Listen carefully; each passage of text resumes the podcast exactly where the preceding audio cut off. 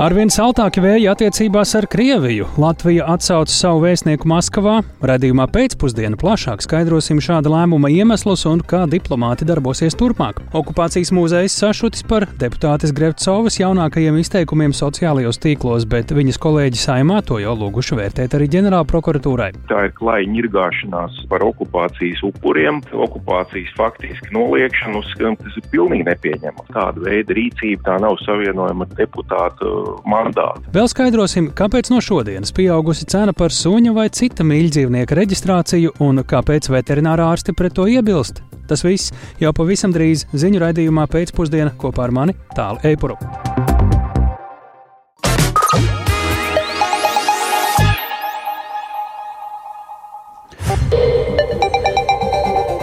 Sešpadsmit un piecas minūtes. Jūs dzirdat eh, ziņu programmu pēcpusdienā, un eh, mēs tajā skaidrosim šodien svarīgākos notikumus. Studijā tālāk, Eipurs, labdien! Šodien pamatīga viļņošanās Latvijas un Igaunijas diplomātiskajās attiecībās ar Krieviju. Sākotnēji šodien Krievija pavēstīja par Igaunijas vēstnieka izraidīšanu un diplomātiskās pārstāvniecības līmeņu Igaunijā mazināšanu, taču dienas gaitā esam saņēmuši ziņu, ka arī Latvija nolēmusi pazemināt diplomātiskās pārstāvniecības līmeni Krievijā un no 24. februāra atsauc savu vēstnieku Maskavā Māri Māra Rieksniņa. Šādu Latvijas lēmumu raidījumam pēcpusdienā skaidro ārlietu ministrs Edgars Rinkevičs. Tas ir saistīts ar divām lietām. Krievijas brutāla agresija turpinās, un pavisam drīz būs gads, kopš ir sācies Krievijas iebrukums Ukrainā. Otra lieta, mēs, protams, solidarizējamies arī ar Igauniju šādos jautājumos. Baltijas valsts solidaritāte ir ļoti būtiska, un jūs zināt, ka šodien no rīta Krievijas ārlietu ministrija par šo paziņoja Igaunijas vēstniekam. Lietuvai šobrīd arī attiecības ir pilnvarotā Lietuvas līmenī, tā kā savā ziņā tā ir arī solidaritāte un vienota politika šajos jautājumos arī Baltijas valstu starpā. Bet, protams, ka 24. februāris nav nejauši izvēlēts. Tā nu sanāk, ka tā ir gada diena kopš kara sākuma pret Ukrainu un arī Igaunijas valsts svin savu neatkarības dienu. Tieši šobrīd šis lēmums pieņemts solidarizēšanās ar Igauniju dēļ, vai tas jau kādu laiku gan, tika gan. gatavots? Ziniet, mēs pastāvīgi analizējam mūsu attiecības un uh, mums ir vairāki varianti. Vienmēr gatavībā tā kā diskusija par tālākiem soļiem ir bijusi. Bet jā, Tieši šodienas lēmums ir pieņemts solidarizējoties ar Igauniju, ņemot vērā to, ka ir palicis mēnesis līdz nu, jau manis minētajai gadadienai. Kādā līmenī šobrīd līdz ar to paliek Latvijas vēstniecības darbs līdz ar šādu pazemināšanu, ar ko Latvijas iedzīvotāji vai Krievijas iedzīvotāji var rēķināties, kāda veida pakalpojumus un cita veida darbības vēstniecība šobrīd vēl spējas veikt? To pašu, ko vēstniecība dara tagad, tā turpinās veikt, arī konsulāro atbalstu.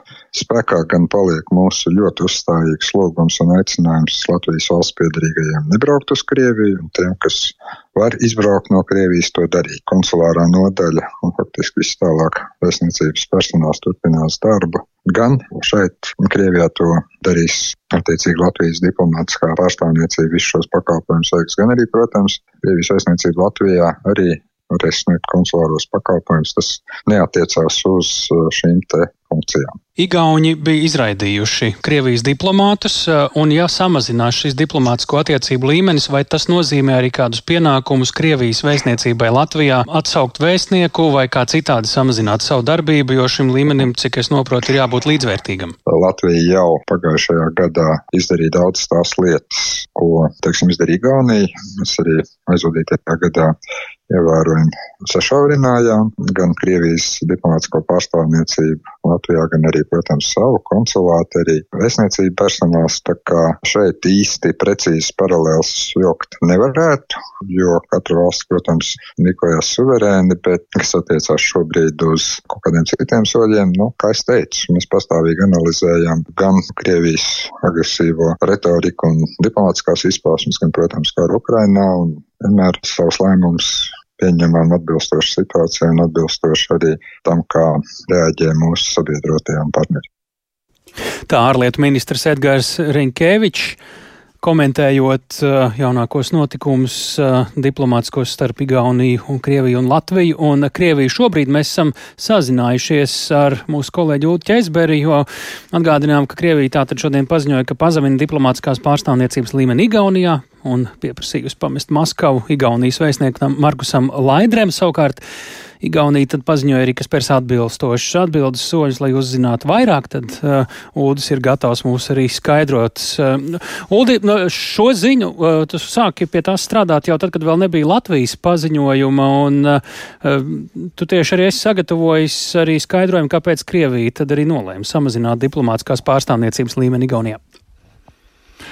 Jā, nu Krievijas ārlietu ministrijas oficiālajā paziņojumā ir teikts, ka Igaunijas eh, valdība vairāku gadu garumā ar nodomu ir darījusi visu, lai iznīcinātu attiecības ar Krieviju, bet nu, šis pēdējais piliens Maskavas pacietības kausā ir bijis Igaunijas nesenais lēmums izraidīt 13 eh, Krievijas diplomātus un arī 8 eh, Krievijas vēstniecības tehniskos darbiniekus, lai tādējādi nodrošinātu līdzvērtīgāku darbinieku skaitu Krievijas un Igaunijas diplomātiskajās pārstāvniecībās Tallinā un Maskavā.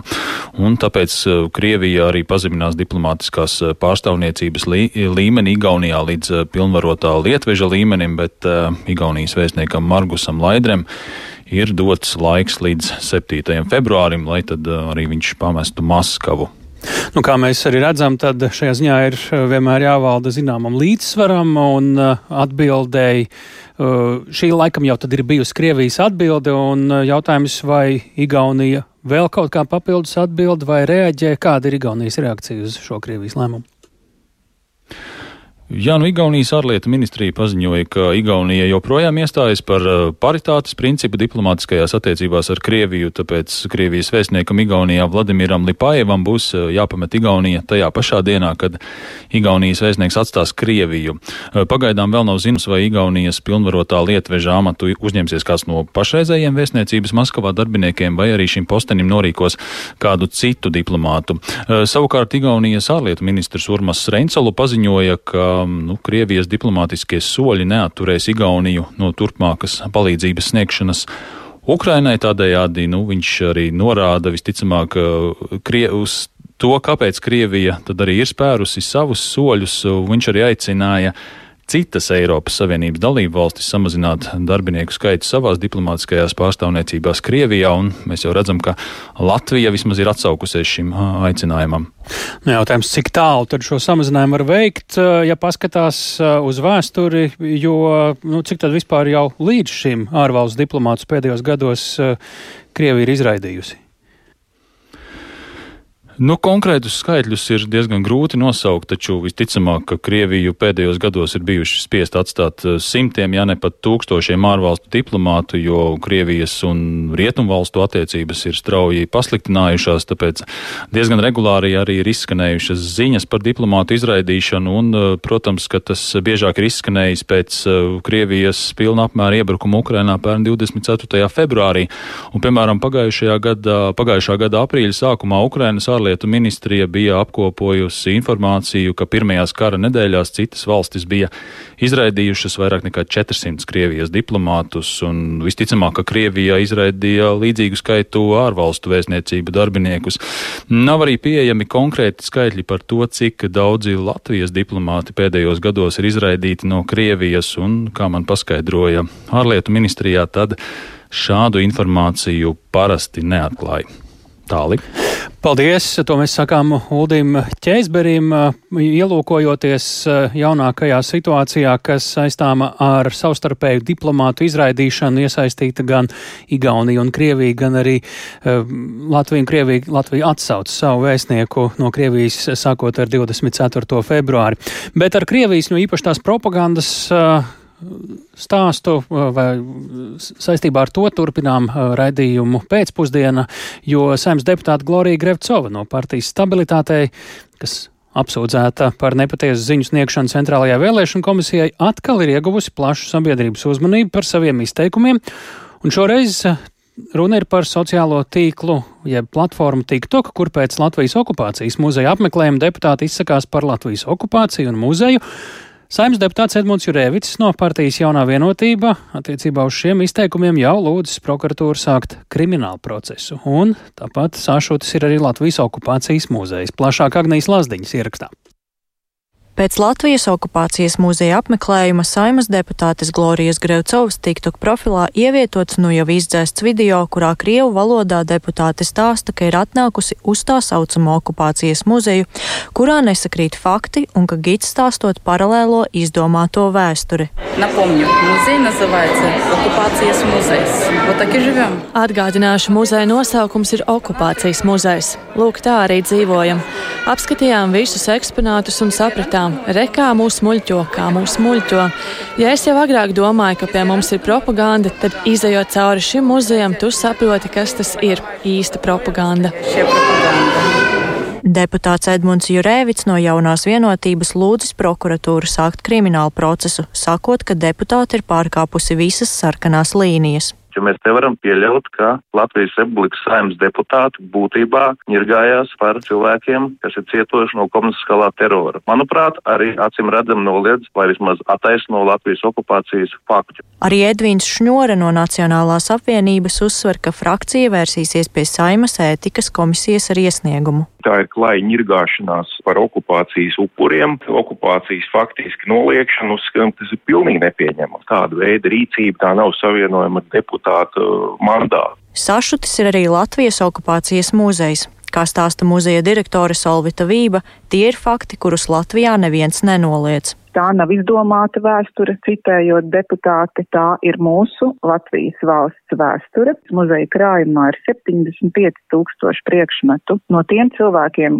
kuri ir dāvinājuši šos priekšmetus muzejam, kas ir bijuši deportēti, kas ir cietuši, mums ir 2500 video liecību. Un citējot deputāti, tās mūs nemuļķo. Tie ir vēstures avoti, uz kā balstās mūsu muzeja stāsts, kas ir par mūsu valsti, par mūsu zemi un par mūsu tautu. Pēc sabiedrības Sabiedrības reakcijas Greucova publicēja vēl vienu video, sakot, ka nenoliedz Latvijas okupācijas faktu, bet uzsvēra, ka viņas prāt muzejā tik un tā nav sniegti visi fakti, jo ir daudz vairāk avotu nekā tiek uzrādīts muzejā.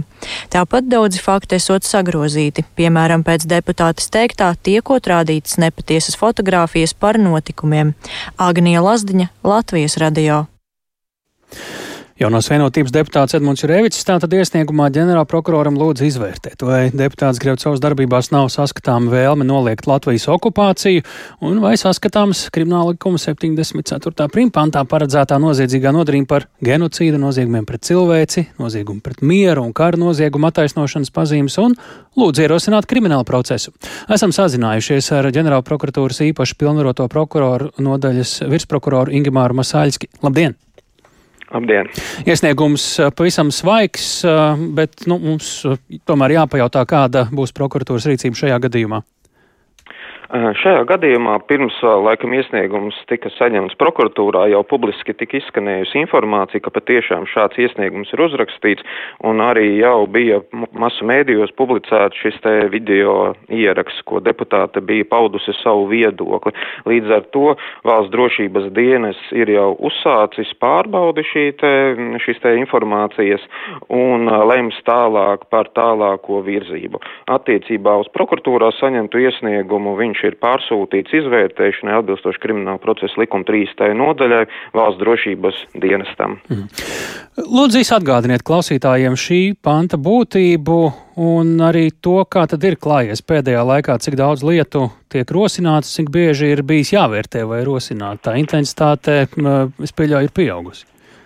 Jā, nu, krimināla likumā šis pants jau darbojās vairākus gadus, un faktiski, jā, par to, to tā nī paredzēta atbildība par genocīdu, noziegumu pret cilvēci, noziegumu pret mieru vai kara noziegumu, publisku slavināšanu vai īstenota genocīda, noliekšanu, attaisnošanu vai rupju noniecināšanu. Atbildība ir paredzēta līdz pat pieciem gadiem, līdz ar to atbilstoši noziedzīgu nodarījumu klasifikācijai, tas ir smags noziegums.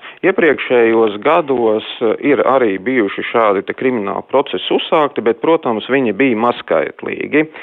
Paskatoties tiesu informācijas sistēmā, šodien pārbaudīju, pastījos, ka ir bijuši četri procesi, kuri nosūtīti ir tiesai, bet tie ir bijuši iepriekšējos gados, tas bijis 2010., 2012., 19. un 18. gadā.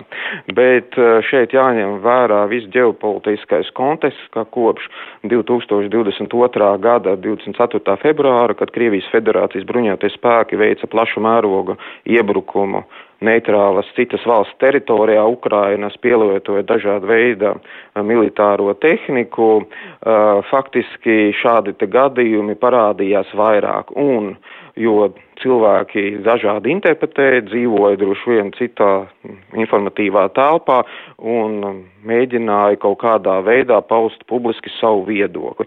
Līdz ar to iepriekšējā gadā pēc 24. februāra krim, valsts drošības dienestā kopumā ir uzsākti 22 krimināli procesi saskaņā ar šo te kriminālu procesā vai krimināla likuma normu.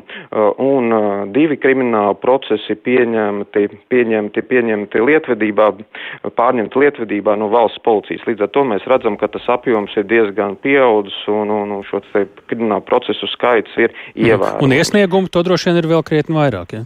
Iesniegumi ir vairāk šeit, jā, jā, jāsaka liels paldies. Šeit nē, nav, nav tik daudz, faktiski desmit iesniegumi ir saņemti, un šie iesniegumi pasūti, iz, pasūtīt izvērtēšanai valsts drošības dienestā, un ir uzsākt arī krimināla procesa. Mm. Bet šeit vēlējos arī piebilst to, ka arī darbs ir padarīts, un jau 2022. gadā ir seši krimināla procesi pabeigti. Viņi pabeigti gan ir četros gadījumos prokuratūrā.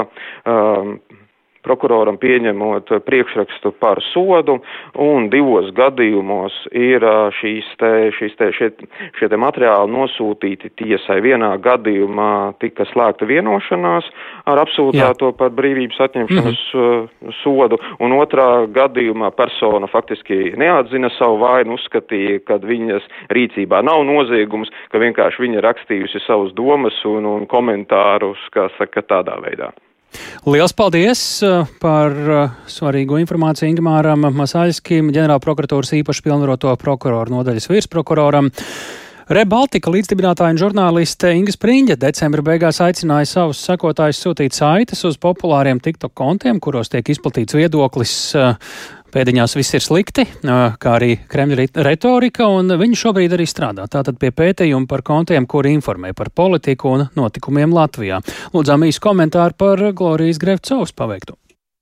Cilvēki mums iesūtīja ļoti daudz kontus, gan ar nezināmiem cilvēkiem, vai pat anonīmiem kontiem, kur mēs neredzam šo cilvēku īstos vārdus. Un arī, protams, daļa sašutumi ir par mūsu šobrīd saimā esošajiem politiķiem, kā Aleksēju Roslikovu, Gloriju Grevcevu un vēl virknī deputātu no stabilitātei. Respektīvi, ja mēs runājam konkrēti par šo saturu, jau sākotnēji var novērot, ka Glorija Grevceva ļoti apzināti izplata populistiskus tekstus, un viņi strādā konkrēti uz to savu auditoriju. Un tā viņa auditorija manā ieskatā ir bijušie saskaņas vēlētāji, kuri ir radikālāk noskaņoti. Un līdz ar to, ka Ukrainā sākās karš un daļa šo vēlētāju no saskaņas novērsās un atbildēja saskaņu neieņēma tādu nostāju kara jautājumā, kā viņi būtu gribējuši, tad viņi pievērsās Rostikovam. Rostikovs šo ļoti veiksmīgi izmanto, lai piesaistītu sev šos vēlētājus. Tādēļ, ja kāds man jautā, vai šajā gadījumā es, piemēram, domāju, ka Rostikovs, Aleksejs vai Florija Grauds saņem kādu finansējumu no Kremļa, es domāju, ka nē, viņiem nav tam nekādas vajadzības, jo viņi vienkārši uzrunā šo auditoriju, kuri grib dzirdēt to, ko viņi saka. Viņi uzvedās par krievalodīgo tiesību aizstāvju pārstāvjiem. Tas ir visklajākais populisms, un plus, ko viņi dara, un te ir jautājums, tik apzināti vai neapzināti, viņi arī daļēji pavairo Kremļa retoriku, jo, lai tu kļūtu ievērība sociālajos mēdījos, tev ir jābūt ļoti emocionālam, pat provokatīvam, diezgan radikālam viedoklim. Jo sociālajos tīklos cilvēki neizplatīs saturu, kur viss ir kārtībā. Tam ir jābūt kaut kam negatīvam, kaut kam emocionālam. Un Krēms ļoti mērķiecīgi jau daudzus gadus radīs šos vēstījumus Latvijā. Sākot ar to, ka mums ir rūpnīcas sagrautas, ka mums tiek meži izcirt, ka viss mums ir slikti, valdībā viss ir idioti, Eiropas Savienībai mēs neesam vajadzīgi. Un tā ir ļoti labi sagatavot jau augsni, kur ir gatavas ziņas, kuras tu vienkārši var paņemt paņemt un pavairot tālāk. Un to dara gan mūsu populisti, gan dezinformācijas izplatītāji, gan arī politiķi šajā gadījumā. Viņi jau vienkārši paņem gatavu iepakotu saturu un pavairot tālāk. Un vēl viens faktors, kāpēc tas ir populisms. Es pagājušajā ceturtdienā biju aizgājis uz saimu, lai klātienē uzklausītu Lorijas Grecūs viedokli, lai viņu nointervētu. Es lūdzu interviju gan viņai, gan Aleksijam Roslikovam. Tur nebija nekāda sarežģīta jautājuma. Es tiešām gribēju paprasīt, kāpēc jūs šo dariet. Viņai neatradās laika. Lesnī atsūtot jautājumus. Pagājuši tad jau trīs dienas atbildi tā arī neesmu saņēmusi. Tajā pašā laikā es redzu, ka viņai lūk ir laika iet uz okupācijas muzeju un provocēt tur darbiniekus, pēc izplatīt tālāk kaut kādu kārtējo dezinformāciju, kas atkal pierāda, viņai neinteresē, lai cilvēks zinātu pēc būtības, kas viņai rūp. Viņai interesē tikai viņas vēlētājs, un viņas vēlētājs pieplaš šos skaļos radikālos vēstījumus. Tā arī Baltika līdzdibinātāja un žurnāliste Inga Spriņģe runājot par uh, Glorijas Grevcovas aktivitātēm uh, sociālajos tīklos. Bet kādas uh, šogad būs Latvijas aizsardzības nozares prioritātes un kāpēc veterinārā ārsti uzskata par nepamatotu to, ka būs jāmaksā dārgāk par suņa vai cita mīļdzīvnieka reģistrāciju par šiem notikumiem pēc uh, brīža programmā pēcpusdienā?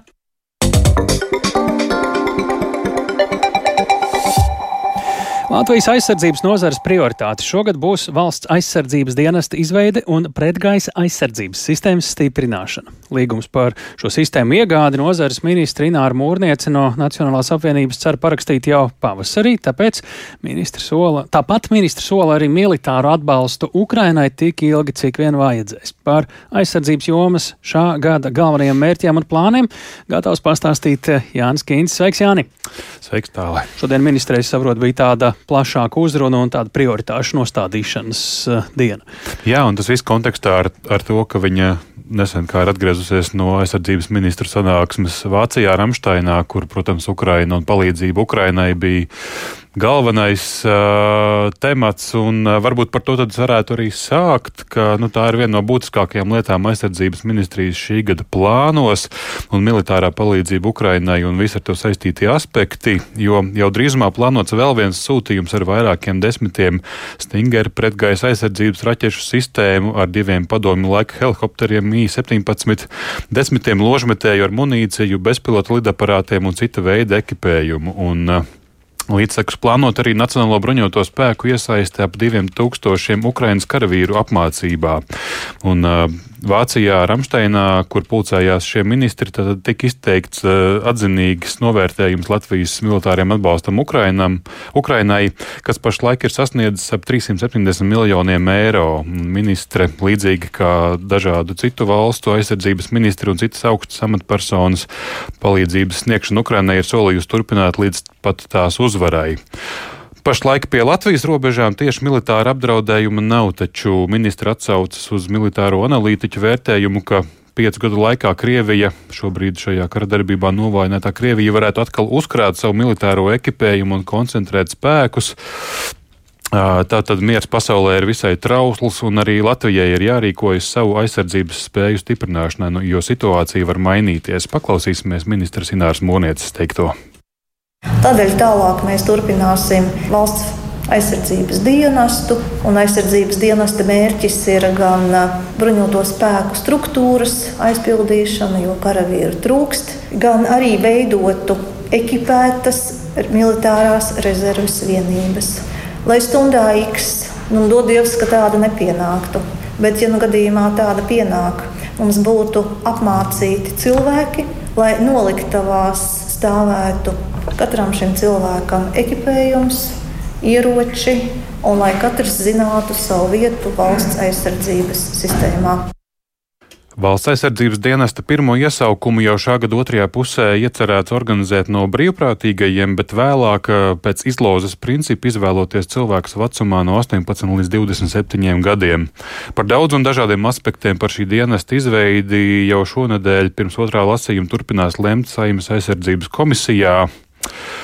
Savukārt viens no būtiskākajiem valsts drošības nostiprināšanas pasākumiem līdztekus bruņojumu papildināšanai būs vidēja radījusi pretgaisa aizsardzības sistēmu iegādu un izvietošanu Latvijā. Līdzīgi ekipējumu Ukrainā izmanto civilo objektu aizsardzībai eh, Krievijas uzbrukuma brīžos. Pašlaik Latvijā pretgaisa aizsardzības sistēmu un asams nodrošina Spānija, bet uh, Lietuvai, uh, Latvijai un Igaunijai ir nodoms ieviest pašām savu pastāvīgu vidējās darbības pretgaisa aizsardzības sistēmu un tam no valsts budžeta ir paredzēts ieguldīt ap 600 miljoniem eiro tuvāko trīs gadu laikā. Un, Vēl viena prioritāte ir krasta aizsardzības raķešu sistēmas izvietošana. Un, kā jau minēts, Mūrnietis cer jau pavasarī nonākt līdz līguma parakstīšanai un iepirkumam. Pašlaik par ieviešanas laiku ir grūti runāt, jo militārā industrija netiekot galā ar daudziem pieprasījumiem.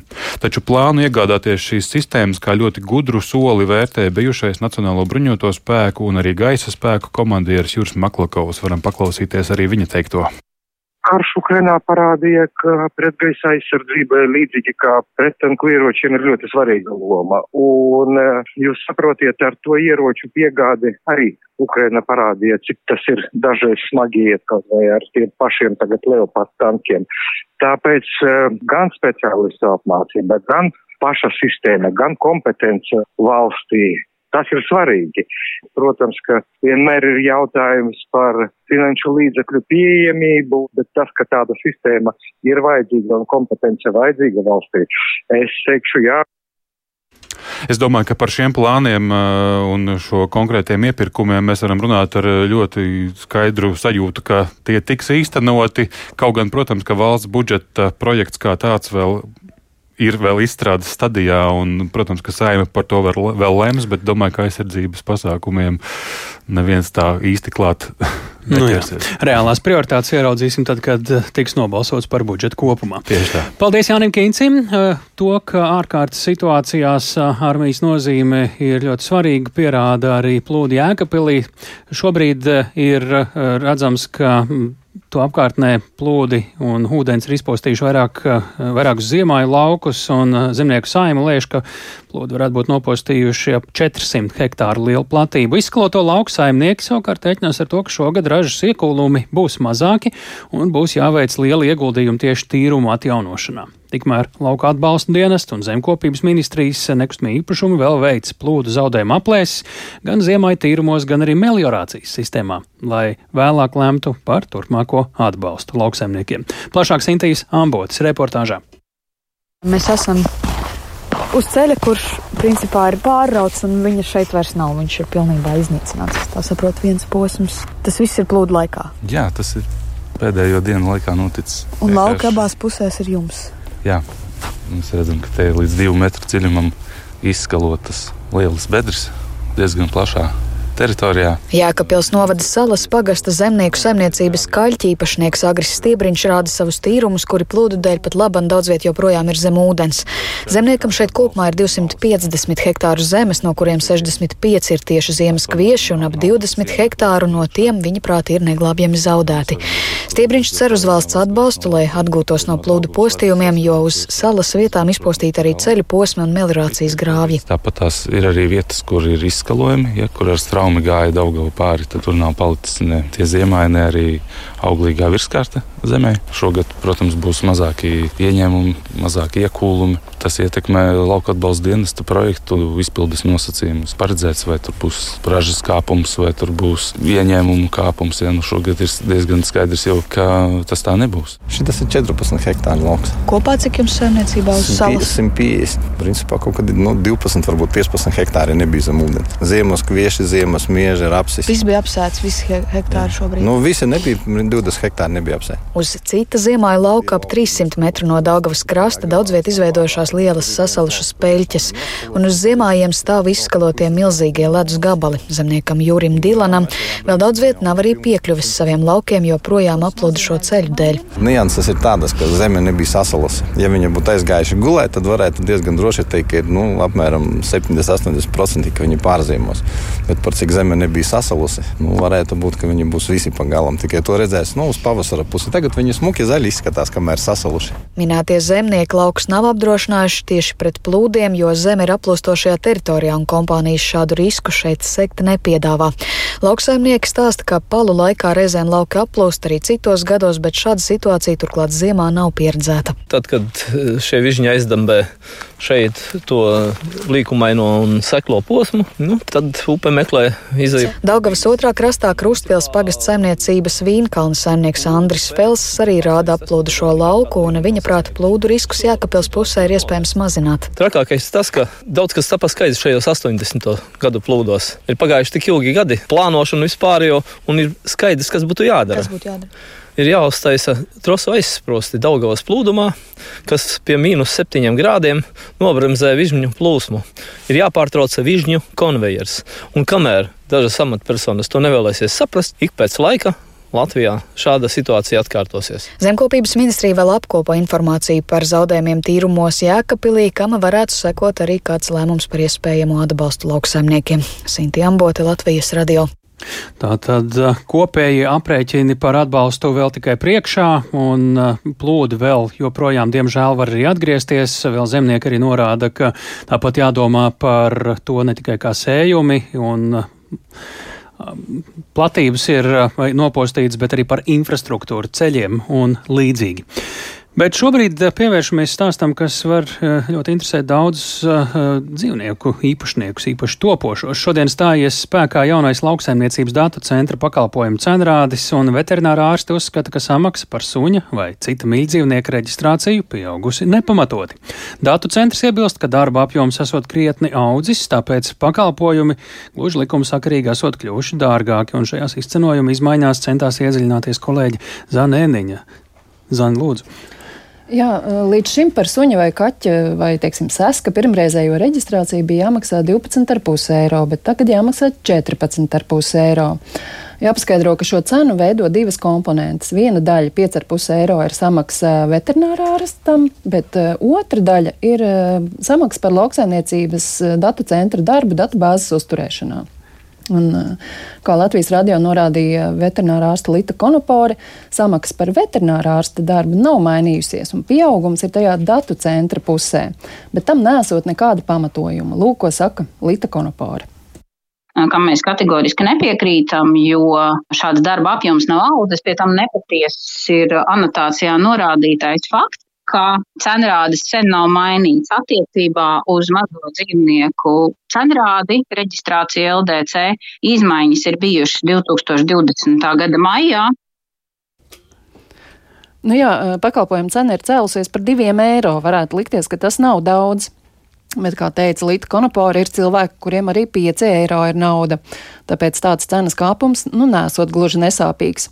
Bet uh, lauksaimniecības datu centrs turpretī norāda, ka darba apjoms esot audzis, jo nākuši klāt dažādi jauni pienākumi, par kuriem veterinārā ārsti varot arī nezināt. Un dažus no tiem nosauc lauksaimniecības datu centra lauksaimniecības departamenta reģistra uzturēšanas nodaļas vadītāja Mairita Elberte. Izmainījās labturības prasības patvērsmēs Līdz ar to vajadzēja nodrošināt, ka patvērsnēs ienākoša suņa reģistrāciju, kur nebija īpašnieka pārbaudot, vajadzēja ieviest to, ka īpašnieks tiek reģistrēts bez īpašnieka nosacīti, pamatoties uz patvērsnes noteikumiem 15 dienu laikā. Īpašnieks var būt patvērsme vai cits īpašnieks. Tātad datu bāzē vajadzēja noreaģēt šīs 15 dienas, tātad īpašnieks varēja mainīties. Mairita Elberta arī norāda, ka šie jaunie noteikumi, jaunais cenrādes ir bijis publiskajā apspriešanā. Bet es noskaidroju, ka zemnieku saima pret šo paaugstinājumu nav iebildusi, kaut gan kopumā tā ne par vienu tādu sadārdzināšanos nepriecājoties. Tāli? Jā, Zane, Ko vispār nozīmē šis reģistrs? Cik plašs tas ir? Mēs zinām suņus, kaķus, un tad sakām mīļdzīvnieki, uz ko tas vēl attiecas, uz kuru dzīvnieku īpašniekiem? Nu, pašlaik uh, ir dati par kaķiem, ir 18,000 kaķu reģistrā, ir uh, 224,000 suņu, un vēl tur ir 235 seski. Bet tā reģistrācijas maksa nav jāmaksā tā, ka pie katras kustības eh, kaut kādas juridiskas? Eh, reģistrācijas maksa ir vienreizēja mm. par jaunu sunīti vai kucēniņu vai kaķēniņu. Vai sasku. Jā. Paldies eh, Zanē Eniņai. Mēs šobrīd pievērsīsim uzmanību vēl nākamajam stāstam. Un šajā gadījumā tas attiecas uz tiem, kuri jau gaida dziesmu svētku 150 gadu dziesmu un dēļu svētku vasarā. Tā ir gaidāma un tiek aicināti pieteikties brīvprātīgie. Pieteikšanās ir sākusies tieši šodien un ilgs līdz 17. februārim, paredzot nodarbināt apmēram tūkstošu brīvprātīgo. Svētku komunikācijas vadītāja Inga Vasiljeva stāsta, cik daudz, kur pieteikties un kas var pieteikties. Jebkurš, kurš jūt, ka sirds deg par dziesmu svētkiem, acis smirds un ir vēlme un spēja iesaistīties, var aizpildīt anketu mūsu mājaslapā dziesmu svētki.lv sadaļā iesaistīties. Mēs gaidām visa vecuma iedzīvotāji sākot no 16 gadiem. 16 gadiem jābūt uz šī gada 1. jūniju. Savukārt pienākumu dziesmu svētku laikā brīvprātīgiem ir visdažādākie. Sāksies jau darbs pirms svētkiem, piemēram, dalībnieku somiņu pakošana, svētku laikā arī sākot no ūdens izdales, palīdzības pie vietu ierādīšanas, darba preses centrā un tā tālāk un tā tālāk.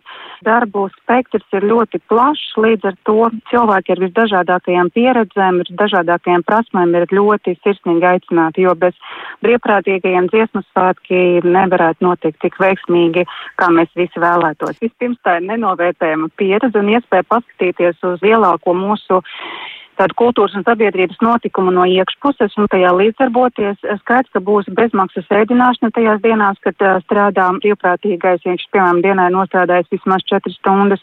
Tajās dienās, kad brīvprātīgais strādās, būs arī apmaksāta pārvietošanās Rīgas sabiedriskajā transportā. Arī par tām dienām, kad būs šī darbība, arī būs veselības un dzīvības apdrošināšana.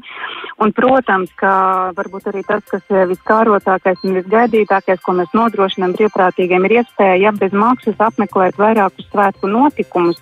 Tostarp arī abus lielos koncertus, meža parka, abus koru koncertus, noslēguma koncertus, naktī pūtēju orķestru koncertu un zaļumballi un vēl pāris notikumus. Tā dziesmu un dēļu svētku komunikācijas vadītāja Inga Vasiljeva aicinot pieteikties brīvprātīgos no šodienas līdz 17. februārim. Tas ir iespējams gaidot dziesmu un dēļu svētkus. Bet kā attīstījusies interneta lietošana Latvijā un kā mainījušies iedzīvotāju interneta lietošanas paradumi? Par to iedzīvotāju aptauju tieši šodien sāk uh, organizēt Centrālā statistikas pārvalde, un pie mūsu klausos Centrālās statistikas pārvaldes vecākais eksperts Pēteris Nalivaiko. Labdien! Labdien! Kāds ir mērķis aptaujai? Es pateicu tikai virsrakstu, jūs droši vien varat uh, vairāk un precīzāk pateikt. Aptaujas mērķis ir, jā, kā jūs minējāt, noskaidrot interneta lietošanas paradumus. Tas ir gan biežums, gan vispār interneta lietošanas mērķis. Tāpat noskaidrot cilvēku paradumus, kad viņi iepērkās internetā, kā arī šo, šī gada aptaujā noskaidrot cilvēku e-prasmes, e-prasmu līmeni. Tie būtu tie galvenie punkti, kas ir šī gada aptaujā iekļauti. Jūs sakāt, šī gada, cik sen tāda aptauja Latvijā tiek veikta? Šī aptauja, nu, viņa, protams, ir mainījusies gadu laikā, bet notiek jau kopš 2004. gada sākās. Nu, protams, viņa ir attīstījusies, balstoties uz visiem, kā jau attīstās mūsdienu pasaule un tehnoloģijas, tā viņa arī ir attīstījusies, bet jā, jau kopš 2004. gada, kad cik, notika pirmo reizi viņa. Un cik es saprotu, tas notiek ne tikai Latvijā, un tad var salīdzināt arī rezultātus ar pārējo Eiropu? Jā, tā ir viena no šīs aptaujas tādā teikt priekšrocībām, jo tā tiek veidota pēc vienotas metodoloģijas visās Eiropas Savienības dalību valstīs, kā arī Eiropas ekonomiskās zonas valstīs. Līdz ar to rezultāti ir startautiski salīdzināmi, un jā, tā tad mēs varam apskatīt Latvijas vietu vai, un arī citu valstu vietu, kā izskatāmies uz kaimiņu fonu Eiropā vispār attiecībā uz internetu lietošanas paradumiem un, un citām lietām. Šajā aptaujā būs arī vajadzīga visai apzināta iedzīvotāju iesaistīšanās, bet pirms par to jautājums, protams, ko tad mēs esam redzējuši, kādas svarīgākās tendences pēdējos gados attiecībā uz cilvēku interneta lietošanas paradumiem. Ko mēs šeit redzam, kas ir tas svarīgākais, ko uh, jūs varētu uzsvērt, uh, salīdzinot uh, tā skaitā ne tikai Latviju ar pagājušajiem gadiem, bet varbūt paskatoties mūsu pašu reģionu atšķirības un galvenās atšķirības arī no Eiropas īsumā? Mm -hmm. Uh, nu, galvenokārt tas kopējais secinājums ir tāds, ka pieaug gan internetā pieejamība pašās mājasemniecībās, gan arī internetā tādu regulāro lietotāju skaits. Tas ir tie cilvēki, kur lieto uh, internetu vismaz uh, reizi nedēļā. Uh, attiecībā par internetu izmantošanas mērķiem tie, es varētu teikt, ka tā no gadiem nemainās, tad populārākie mums joprojām ir internetu banka un elektroniskā pasta lietošana, internetu bankas un elektroniskā pasta lietošana, kā arī pēdējos gados populārāk kļuvuši šī ziņu sūtīšana tādās lietotnēs kā WhatsApp, Telegram vai Facebook Messenger. Attiecībā par reģioniem un tām atšķirībām, tad Latvijas mērogā tad visaugstākais regulāro internetu lietotāju īpatsvars tā tie ir Rīgā un Pierīgā. Uh, nedaudz zemāks tas ir uh, Latgales reģionā, bet uh, kas, un tāda pati aina skata, parādās arī, ja mēs skatāmies uz internetu pieejamību mājasēmniecībās, proti, ka uh, Rīgā un Pierīgā, teiksim, ir augstāka, tad uh, Latgalē ir zemāka un pārējie reģioni tā savā ziņā ir uh, līdzīgāki mm. šajos uh, rādītājos. Eiropai mēs varbūt tagad vairs nepagūsim pieskarties, bet vienu Jā. gan, kā tad cilvēki piedalīsies šajā aptaujā, jo tur vajadzēs arī diezgan apzināti iesaistīties, pavisam īsi izstāstiet, jo kādam varbūt ir interesanti, un kāds varbūt tad, kad saņems šo ziņu, lai neiztrūkst, kas tas ir. Jā, nu, iedzīvotājus aicinām, protams, aizpildīt uh, anketu vietnē e.csp.gov.lv. Tas, to tos mēs aicinām darīt tos cilvēkus, kuri saņem šo uzaicinājumu vēstuli piedalīties aptaujā. Uh, Aptaujas ilgums ir aptuveni 15-20 minūtes parasti, un to mēs aicinām darīt līdz 28. februārim. Pēc šī 28. februāra attiecīgi tad ar šiem cilvēkiem, kas iekļuvuši izlasē, sazināsies CSP intervētāji un veiks šīs telefona intervijas. Mēs, protams, aicinām iedzīvotājs būt atsaucīgiem un atbildēt uz šiem jautājumiem. Mēs pievienojamies šajā aicinājumā un sakām paldies Centrālās statistikas pārvaldes Vecākiem ekspertam Pēterim Nelevaiko šī bija ziņu programma pēcpusdiena. To veidoja Tāls Eipurs, Ilze Aginta, Renārs Šteimans un Mārtiņš Paeglis. Līdz rītam! Yeah.